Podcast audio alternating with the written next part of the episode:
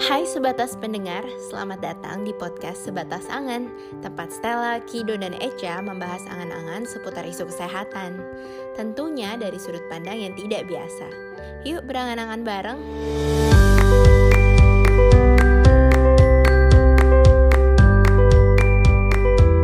Welcome back to podcast Sebatas Angan. Masih setia di sini, bareng kita ada Stella. Ada Kido. Echa. Dan Prita. Iya. Masih di tema yang sama di season 5 ini, kita bahas film layar lebar. Yang mana sebetulnya mungkin sebatas mendengar udah nonton filmnya. Oke, menariknya di film-film yang sering kita tonton ada isu-isu global health hmm. yang bisa banget kita obrolin. Karena podcast sebatas angan itu podcast yang membahas isu kesehatan dari sudut pandang yang tidak biasa. Oke, so far kita udah bahas film Don't Look Up, Aquaman, dan Wall-E yang terakhir. Kalau belum dengerin, boleh dicek episode-episode kita sebelumnya, dijamin asik banget obrolannya.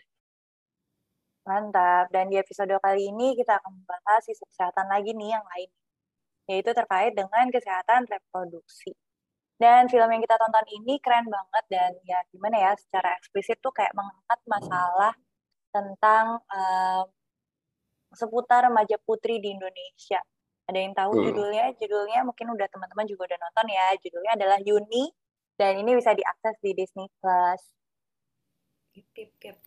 Kayaknya nggak sepopuler itu sih tapi film ini pas kita mau ngebahas film ini aku nggak pernah denger nih judul tapi menarik banget uh, jadi mungkin recap atau yang kalau misalnya belum nonton sekarang berhenti dulu nonton dulu tapi intinya film Yuni ini menceritakan uh, seorang remaja putri namanya Yuni uh, kita diajak untuk ikut merasakan gitu kan kenyataan pahit menjadi seorang remaja perempuan di sebagian daerah di Indonesia di luar kota-kota besar gitu ya seperti um, Jakarta gitu di luar Jakarta lewat pengalamannya si Yuni ini.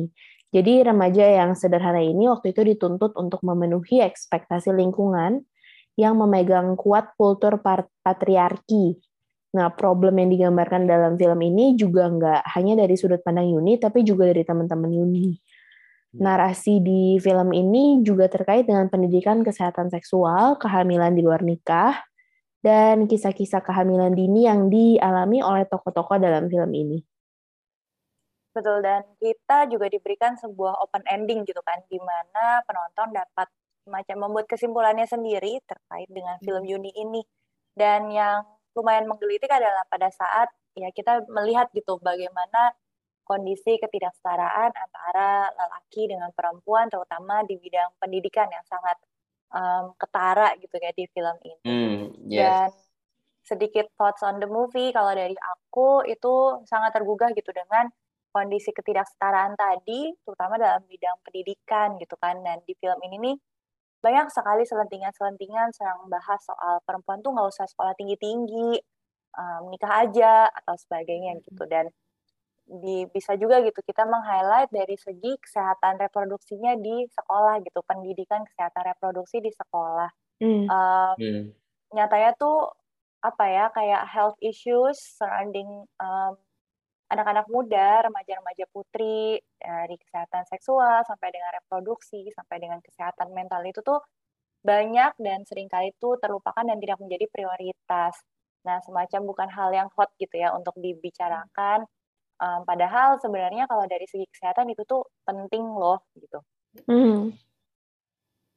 Kalau gue sendiri sih menarik karena yang pertama itu kita bahas bisa dibilang mungkin stigma deh Terus juga ada isu ketidaksetaraan di situ, yang mana itu lokasinya deket banget. Itu masih di Pulau Jawa tuh, kalau hmm. kalau sebatas pendengar sadar ya. Itu tuh akhirnya menggambarkan sebuah ketidakadilan, tapi sebetulnya mungkin kita nggak sadar itu karena terbalut sama budaya ya kan.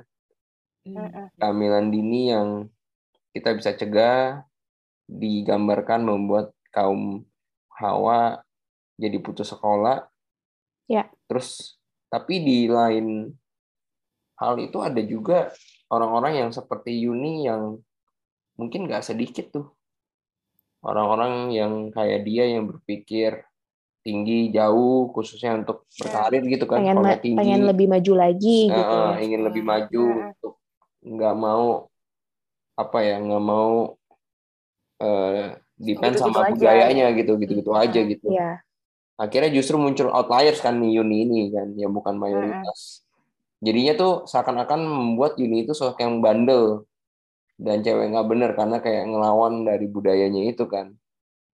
Akhirnya berdampak ke mental yang dapat dilihat di film ada upaya untuk aktualisasi diri bertemu Hmm. orang lain yang sebetulnya sama-sama terpinggirkan tuh. Alhasil edukasi sangat penting untuk bisa Mendukung kan apa yang sebetulnya Yuni dan orang-orang terpinggirkan itu inginkan. Yang mana kita nggak ngomong, kita tidak menstigmatize mereka ya. Intinya eh ada outliers di di kelompok itulah, yang mana sebetulnya kita bisa bilang nggak salah juga. Kalau buat kalau buat aku nambahin sih waktu nonton film ini tuh kayak bisa tiba-tiba bisa ngerelate banget ke kayak pengalaman mungkin pembantu rumah tangga kita gitu loh. Kayak ART atau orang-orang yang datang merantau dari desa gitu datang ke datang ke kota untuk cari kerja eh, bisa kebayang gitu. Mungkin waktu masa mereka sekolah dan eh, masih lebih kecil masih remaja itu ya seperti itu gitu. Mereka cuman diekspektasikan eh, lulus Sekolah. lulus sekolah doang nggak usah kuliah gitu kan. Dan nanti kerja ya udah merantau terus paling jadi ART duit. atau apa Ya ngirim uang. ya terus ngirim uang pulang ke rumah gitu nah eh, tiba-tiba tuh kok kemarin kebuka gitu matanya oh ternyata maksudnya back then eh, back back in their own kampung tuh mungkin seperti ini keadaannya kita yang privilege untuk tinggal di kota educated dan em, bahkan bisa sekolah ke luar negeri segala Hmm. macam benar-benar nggak punya this kind of exposure gitu I think this this movie kemarin bagusnya di di itu sih ngebuka mata aku di sisi situ Hmm. Ada lagi sih kak, kalau yang buat aku berkesan itu yang dibahas itu warna ungunya, warna kesukaannya ungu. hmm. Sampai ada yang Hmm. kalimat yang penyakit ungu itu loh kak. Hmm. Heeh. Dengan itu ya tergambar sih kayak film ini emang satu emang mau bawa tentang kesetaraan gender dan yang kedua tuh stop kekerasan terhadap perempuan gitu. Terlepas dari bahasa sehari-hari emang kalau warna ungu tuh apa katanya warna janda gitu ya kak ya. Terus kalau dari isu kesehatannya juga eh, sebenarnya sedih sih karena yang tergambar di film ini tuh lagi-lagi bukan karena emang siswinya, Yuninya yang nggak mau belajar dan nggak mau tahu, Hmm. tapi mungkin dari segi fasilitas juga keadaan dan Mm-mm. sumber daya Infrastruktur ya. tuh yang betul. terbatas gitu. Eh, tapi dari film ini juga digambarkan bahwa setiap orang tuh sebenarnya perlu role model. Kalau di film ini Yuni tuh punya ibu gurunya, Hmm. Hmm. yang kan dia bilang bu gurunya mau sekolah lagi gitu untuk meningkatkan derajat dirinya. Itu sih. Jadi edukasi tuh emang penting sih. I- Iya betul, setuju banget ya dan apa ya bisa dibilang em, ini disclaimer sedikit gitu masalah ketidaksetaraan gender ini nih bukan sesuatu yang baru dan hanya terjadi di Indonesia tapi problem ini juga sebenarnya udah ada di mana-mana dan udah dari zaman dulu gitu kan kalau misalnya kita ya lihatlah dari film-film film-film Korea yang zaman eh, kerajaan Kerajaan. atau kita lihat film-film yang lain itu tuh masalah ini nih sebenarnya masalah yang ya udah udah emang dari dulu gitu loh dan jadi Iya.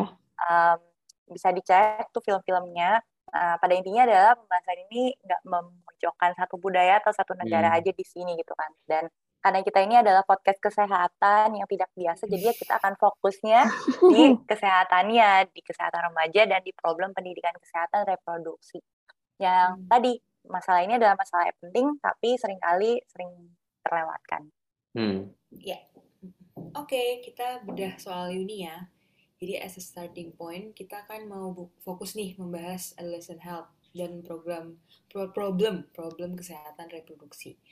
Pertanyaannya, siapakah yang disebut adolescent atau remaja itu sendiri? Bukan kami, karena kami sudah tidak remaja lagi. Kalau dari WHO remaja atau adolescence itu usianya rentangnya 10 sampai 19. Jadi antara anak dan dewasa itulah remaja gitu kan. Di Indonesia sendiri ada peraturan menteri remaja itu penduduk dalam tentang usia 10 sampai 18 tahun. Menurut BKKBN tentang usia remaja 10 sampai 24 dan belum menikah. Jadi bisa disimpulkan remaja itu fase yang unik dalam kehidupan seorang manusia. kan kalian Iya, dan- berasa juga kan jadi remaja gimana iya apa gejolak jiwa gitu-gitunya kan terus kayak macam-macam ya indeed sih ini Masa benar sih muda. ini adalah remaja ini adalah eh, sebuah stage yang unik banget gitu kan dalam em, pertumbuhan kita sebagai manusia. Dan sebenarnya adalah suatu masa yang sangat penting gitu kan untuk eh, memastikan kesehatan eh, seseorang pada nantinya pada saat dewasa itu tuh fondasi fondasinya itu tuh sebenarnya ada di masa-masa remaja. Um, dan di remaja ini ya tadi kan um, udah di mention sama Kido ini adalah fase yang sangat unik. Kenapa unik? Karena ya itu tadi ada banyak perubahan gitu dari yang yang remaja alami dari fisik kognitif psikososial sampai uh, bagaimana uh, pada akhirnya dari perubahan-perubahan itu tuh mempengaruhi berbagai aspek dalam kehidupannya si remaja ini. Dan tadi kalau misalnya kita lihat dari rentang umurnya, ya Yuni dan teman-temannya ini yang memang lagi di fase remaja dan mereka ini sedang mengalami perubahan-perubahan dalam dirinya. Hmm. Udah pernah merasakan masa-masa remaja? Coba silakan angkat tangan. Sekarang juga masih mengalami perubahan-perubahan dalam diri, Stel. Masih galau. Oh iya. Juga. Galaunya tetap ya. Walaupun di luar usia. Fokus, fokus. Jadi em, buat nambahin ternyata emang banyak fakta-fakta seputar eh, remaja gitu yang kita bisa tarik dari eh, berbagai macam sumber ya. Dan main health issues terkait remaja itu eh, termasuk eh, dari injuries, violence, sampai dengan sexually transmitted disease, eh, HIV atau AIDS, early pregnancy, um, nutrition related condition, mental health and addiction, um, dan banyak lagi gitu. Nah, one of the the facts yang kita juga sempat dapetin dari uh, research kita itu dari WHO, uh, mereka bilang sekitar 12 juta uh, perempuan umur 15 sampai 19 tahun dan setidaknya 777 ribu perempuan di bawah 15 tahun itu give birth each year in developing regions. Nah, kenapa developing regions? Uh, sorry, developing regions itu di antaranya negara-negara yang low dan lower middle income, termasuk negara-negara Hmm. seperti di Asia dan Afrika gitu. dan itu bukan angka yang kecil loh Eh, Mm-mm. itu komplikasinya tuh itu banget gede banget kan dari apa dari hamil yang usianya muda gitu dan ya salah satu menjadi penyebab yang menduduki peringkat atas juga terus juga nanti kan ada juga masalah juga pemenuhan mikronutrien Hmm, makanya muncul bisa ada anemia defisiensi besi yang masih banyak tuh di remaja putri iya, data-data kan eh, data statistik juga bilang bahwa di Indonesia itu banyak ibu-ibu hamil yang masih kekurangan zat besi gitu. iya. Hmm. Betul sih, terus kemarin juga ini pengalaman pribadi, aku baru ikutan kelas workshop gitu kan, pregnancy expert gitu. Mm-mm. Terus eh, salah satu topiknya tuh tentang nutrisi. Em, Jadi baru kemarin bahas sama Kido juga sih, maksudnya, wah gila ternyata eh, sebagai seorang ibu hamil nih, for, for myself yang udah bukan remaja aja, this information I didn't know gitu kan Hmm. em, bahwa betapa pentingnya eh, zat besi, betapa pentingnya eh, protein gitu semasa lagi hamil karena itu golden period di mana bayi kita dalam kandungan atau nanti pada saat seribu hari pertamanya eh, berkembang gitu dan itu penting banget gitu. Terus kayak even for us yang maksudnya bisa dibilang ya educated lah ya harusnya ya Iya. aja kayak it's a new information Aksesnya gitu. lumayan gampang. loh. Iya, kita bisa mengakses disinformation aja itu baru buat aku karena we never really have this uh, this apa namanya teaching gitu kan selama Hmm. sekolah mana ada yang ngajarin ibu hamil harus gimana gitu kan. Iya. Uh, Mm-mm. tapi terus kepikiran lagi ya pantesan orang-orang yang hamil muda atau yang di daerah yang lebih terbelakang yang mungkin access to education-nya juga limited ya apalagi mereka gitu mereka hamil muda mereka nggak tahu semua informasi ini nggak nggak dapat cukup nutrisi untuk bayinya bayinya tumbuh untuk menjadi seperti mereka Iya, lagi gitu Belum tentu itu kan Mm-mm. direncanakan kan. iya belum tentu direncanakan lagi Eh, jadi kayak wow it's a terus nyambung gitu kayak wah ini ini problem yang akan susah untuk dituntaskan gitu terutama untuk kaum gitu. iya kayak muter-muter aja terus gitu. Nah itu makanya kaget sih. selalu siklus-siklus itu ya. Dan sebenarnya di di Indonesia sendiri tuh ya kurang lebih sama gitu kan. Tadi kayak um, juga sempat mention kalau hmm. um, terkait dengan masalah nutrisi apalagi gitu ya emang banyak banget orang-orang yang anemia defisiensi besi gitu. Dan ini ada data lagi gitu kan kita um, sempat research research juga nih um, di Demographic and Health Survey 2017 di Indonesia bahwa sebenarnya um, most women and men jadi laki-laki dan perempuan itu kurang lebih 19% lah dari hasil survei tersebut um, uh, melakukan hubungan seksual pertama mereka di usia 17 tahun dan ini hmm. tergolong hmm. muda gitu ya. Hmm. Dan usia muda saat pertama kali melakukan hubungan seksual ini ya sebenarnya sangat berkaitan erat dengan kesehatan reproduksi. Di mana tadi satu belum tentu mereka mengerti tentang uh, tubuhnya sendiri gitu kan Hmm. Terus belum lagi informasi-informasi tadi terkait uh, nutrisi itu juga belum tentu tahu. Secara organ juga belum terdevelop dengan baik dan hmm. sangat apa ya bisa dibilang tuh sangat vulnerable gitu terhadap hmm. terhadap trauma-trauma yang terjadi. Trauma nggak cuma trauma fisik tapi juga secara psikis gitu kan, secara mental gimana, emosi gimana. Terus tambah lagi tadi kehamilan dini, kehamilan dini dengan organ yang belum oke, okay, terus ditambah lagi dengan kondisi nutrisi badan sendiri juga yang belum yang nggak optimal gitu kan. Nah nanti kan pastinya akan berhubungan dengan nanti adik bayinya ini gimana gitu kan masa depannya hmm. seperti apa pemenuhan gizinya bagaimana. Terus ditambah lagi karena kehamilan dini lagi belum um, biasanya kan berkaitan erat dengan kehamilan yang tidak diinginkan. Dan ya kita tahu aborsi adalah menjadi pilihan untuk jalan keluarnya walaupun di Indonesia itu bukan sesuatu yang legal gitu kan yeah. dilakukan dengan ilegal di beberapa tempat diam-diam nah itu menjadi bahaya nah hmm. di situlah makanya um, kita juga tahu beberapa minggu lalu juga sempat ramai dibincangkan bahwa terkait dengan aborsi di mana aborsi itu berbahaya dan um, masih sampai dengan saat ini di Indonesia sendiri pun tidak dilegalkan tapi ada di beberapa negara yang dilegalkan nah itu mungkin another time pembahasannya terkait dengan ini ya. Tapi pada intinya seperti itu gitu. Jadi uh, pada remaja-remaja ini yang hamil muda pada akhirnya tuh beresiko dengan segala macam komplikasi-komplikasi kehamilan yang sebenarnya itu sangat bahaya gitu buat dia dan buat uh, bayi di kandungan. Ya, dan menariknya emang masalah-masalah ini tuh yang digambarkan sih di film Yuni ini ya kak, kayak sesuai dengan kondisi yang ada baik global ataupun ya di Indonesia sendiri, mulai dari pernikahan remaja, terus kehamilan yang mengikuti dari pernikahan hmm. itu sendiri, hmm. dan dampak lebih lanjut dari kehamilan muda ini itu ya tadi yang seperti kita udah bahas juga jadi kayak lingkaran setan gitu. Iya. Iya. Dari sini kita lihat uh, dengan banyaknya permasalahan kesehatan itu seputar remaja yang ditemukan ternyata emang benar-benar penting lah yang namanya pengenalan akan edukasi seputar kesehatan reproduksi. Nah, masuklah kita ke seputar kesehatan reproduksi nih, Kak. Yes, betul sekali.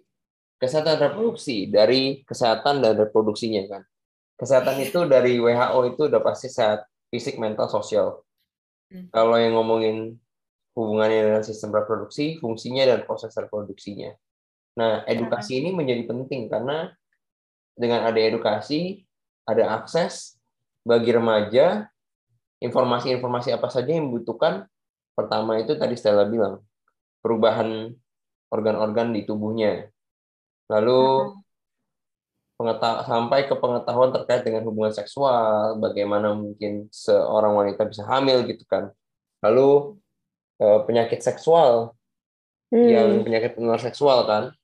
Kadang-kadang kan ada yang nggak sadar gitu.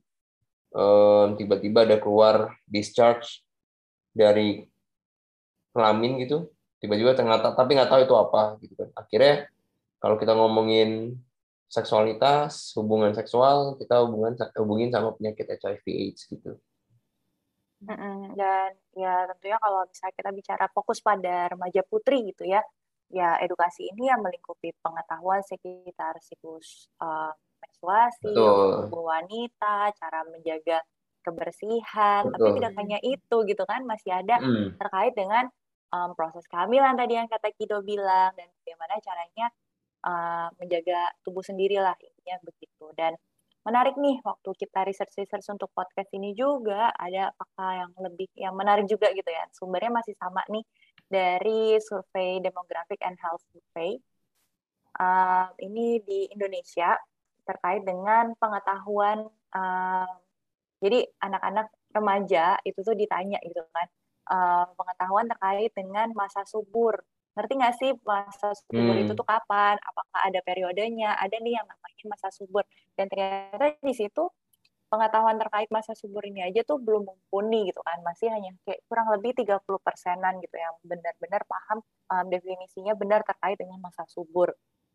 Jadi satu berarti ada gap terkait dengan um, pengetahuan, pengetahuan terutama di sini di bidang uh, di bagian masa subur gitu dan menariknya lagi dari responden ini ada 50% responden yang bilang pernah mendapatkan informasi terkait dengan kesehatan reproduksi, tapi fokusnya pun hanya di anatomi di sekolah. Jadi masih ada gap juga gitu kan di pengetahuan di mana ternyata ada 50% lain dari responden yang nggak pernah mendapatkan um, pendidikan kesehatan reproduksi dan yang dapat pun hanya sekitar di anatomi aja tapi ada sisi-sisi lain hmm. yang sebenarnya penting tapi nggak dapat juga gitu. Dan bayangin aja 50% dari populasi remaja di Indonesia tuh berapa banyak kan? Hmm. iya betul. Nggak bisa dibayangin sih.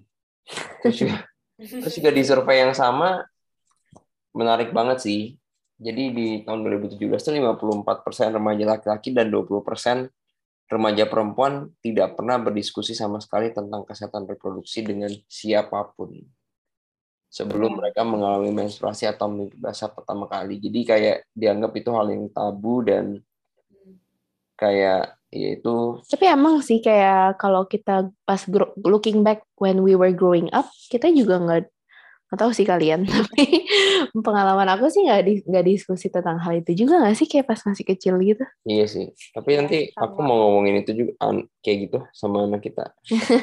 Iya. Harus lah, karena dari Oops. karena itu kalau nggak dari kita dari siapa lagi masih dari Om iya, Google betul. gitu kan iya iya betul betul iya. dari Om Google cari sendiri tuh bisa salah lagi sekarang bisa over information kan misleading. hmm ya jadi emang tergambar sih di itu ya di film Uni survei-survei yang tadi sudah hmm. dibicarakan hmm. yang 2017 itu emang di Indonesia bisa dibilang belum terlalu optimal ya kak untuk melakukan edukasi seputar reproduksi kesehatan. E, bisa dari kurikulum nih sebenarnya mungkin kebahas dikit-dikit nih di sekolah, tapi belum ada benar-benar kurikulum kurikulum yang pasti dan setara gitu. Walaupun sebetulnya ada survei nih terhadap guru-guru di sekolah, baik sekolah dasar ataupun SMP gitu ya. Kalau sebenarnya ada demand-nya gitu. Anak-anaknya juga butuh gitu sih. Ada, ada. Dulu kita punya UKS kali ya kak ya. Mm-mm, betul. Di mana ada dari program lapangan yang kita kerjain itu ya di mana ada soal kesehatan reproduksi di remaja dan nggak cuma dari guru tapi dari siswa kan. Nah kalau soal UKS-nya itu juga memang karena UKS kan banyak tuh eh, pilar-pilarnya dan tupoksinya gitu ya. Nah, kesehatan reproduksi sih memang belum jadi prioritas, jadi memang levelnya mungkin harus bottom up sih. Nggak hmm. bisa nurut atau nggak bisa nunggu dari atas ke bawah. Itu hmm, hmm, hmm. kalau boleh sharing dikit mungkin yang kalau UKS tuh kalau di aku sih waktu itu. Paling banyak tuh mungkin tentang ini apa namanya dokter kecil pelatihan dokter kecil gitu nggak sih nggak ada yang mengenai kesehatan reproduksi itu sendiri even P3 eh P3K lagi even dokter kecilnya mungkin nggak pernah di di im, gitu ya. iya belum nggak bisa belum di empowered soal kesehatan reproduksi uh -uh. juga kan mm -mm. lebih kayak trauma gitu ya kak ya iya iya. kalau ada teman yang pingsan lagi upacara gitu kan hmm. iya. dokter kecil ah, tuh betul, betul. Oke, terus lanjut selain kurikulum yang emang belum fix juga uh, betul sih setuju yang tadi antar anak eh antar remaja ataupun dengan orang tuanya itu masih dianggap tabu masih awkward gitu kalau ngomongin masalah reproduksi jadi nggak ada ke apa kelanjutan dari diskusi ini. Dan yang terakhir itu sebenarnya karena dianggap tabu, karena dia mengang mereka menganggap itu awkward, jadinya nggak tahu nih harus akses ke mana pengetahuan ini gitu. Emang berlanjut Betul dan terus. Ini menambahkan bumbu permasalahan gitu ya. Uh, banyak juga gitu kan perdebatan-perdebatan sebenarnya terkait dengan uh, pentingnya pendidikan seksual atau kesehatan reproduksi ini ada yang pro um, karena menganggap oh ini penting nih karena memahami perlunya konsen dalam mencegah kekerasan seksual sampai dengan pentingnya remaja-remaja tuh untuk tahu bagaimana cara menjaga dirinya menjaga penularan dari penyakit menular seksual sampai dengan pencegahan kehamilan. Tapi di satu sisi juga ada orang-orang yang kontra gitu kontra um, untuk memperkenalkan kesehatan reproduksi edukasi edukasi seperti ini. Karena oh ini tidak sesuai dengan uh, moral yang dijunjung di negara kita. Misalnya ini malah mengajarkan anak-anak untuk melakukan hubungan seksual di luar nikah seperti itu. Jadi memang apa ya untuk untuk ini nih memang ada perdebatan iya tidak menjadi hmm. prioritas iya gitu. Jadi banyak sekali permasalahannya terkait ini.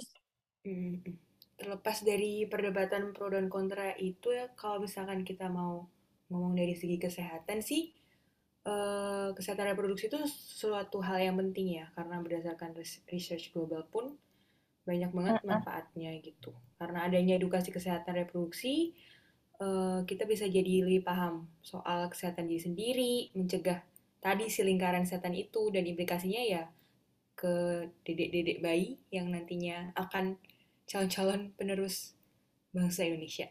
Ya. gitu. Uh, apa? Kayak kesannya kayak hypocrite gitu loh kayak kalau dipikir-pikir dinilai tabu gitu dan bertolak belakang dengan moral, nilai-nilai moral gitu ya.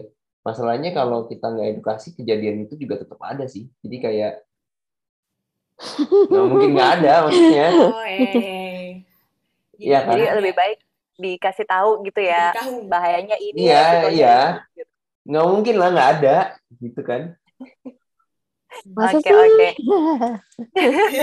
nggak mungkin lah okay, so kalau balik ke Yuni ya karena ini podcast judulnya sebatas angan gitu kan kita berangan-angan gitu ceritanya jika yeah. Yuni dan teman-temannya nih mendapatkan edukasi kesehatan reproduksi yang komprehensif, pemahamannya yang lengkap, di sekolahnya dikasih um, edukasi reproduksi yang baik, tidak seperti yang digambarkan di film gitu kan.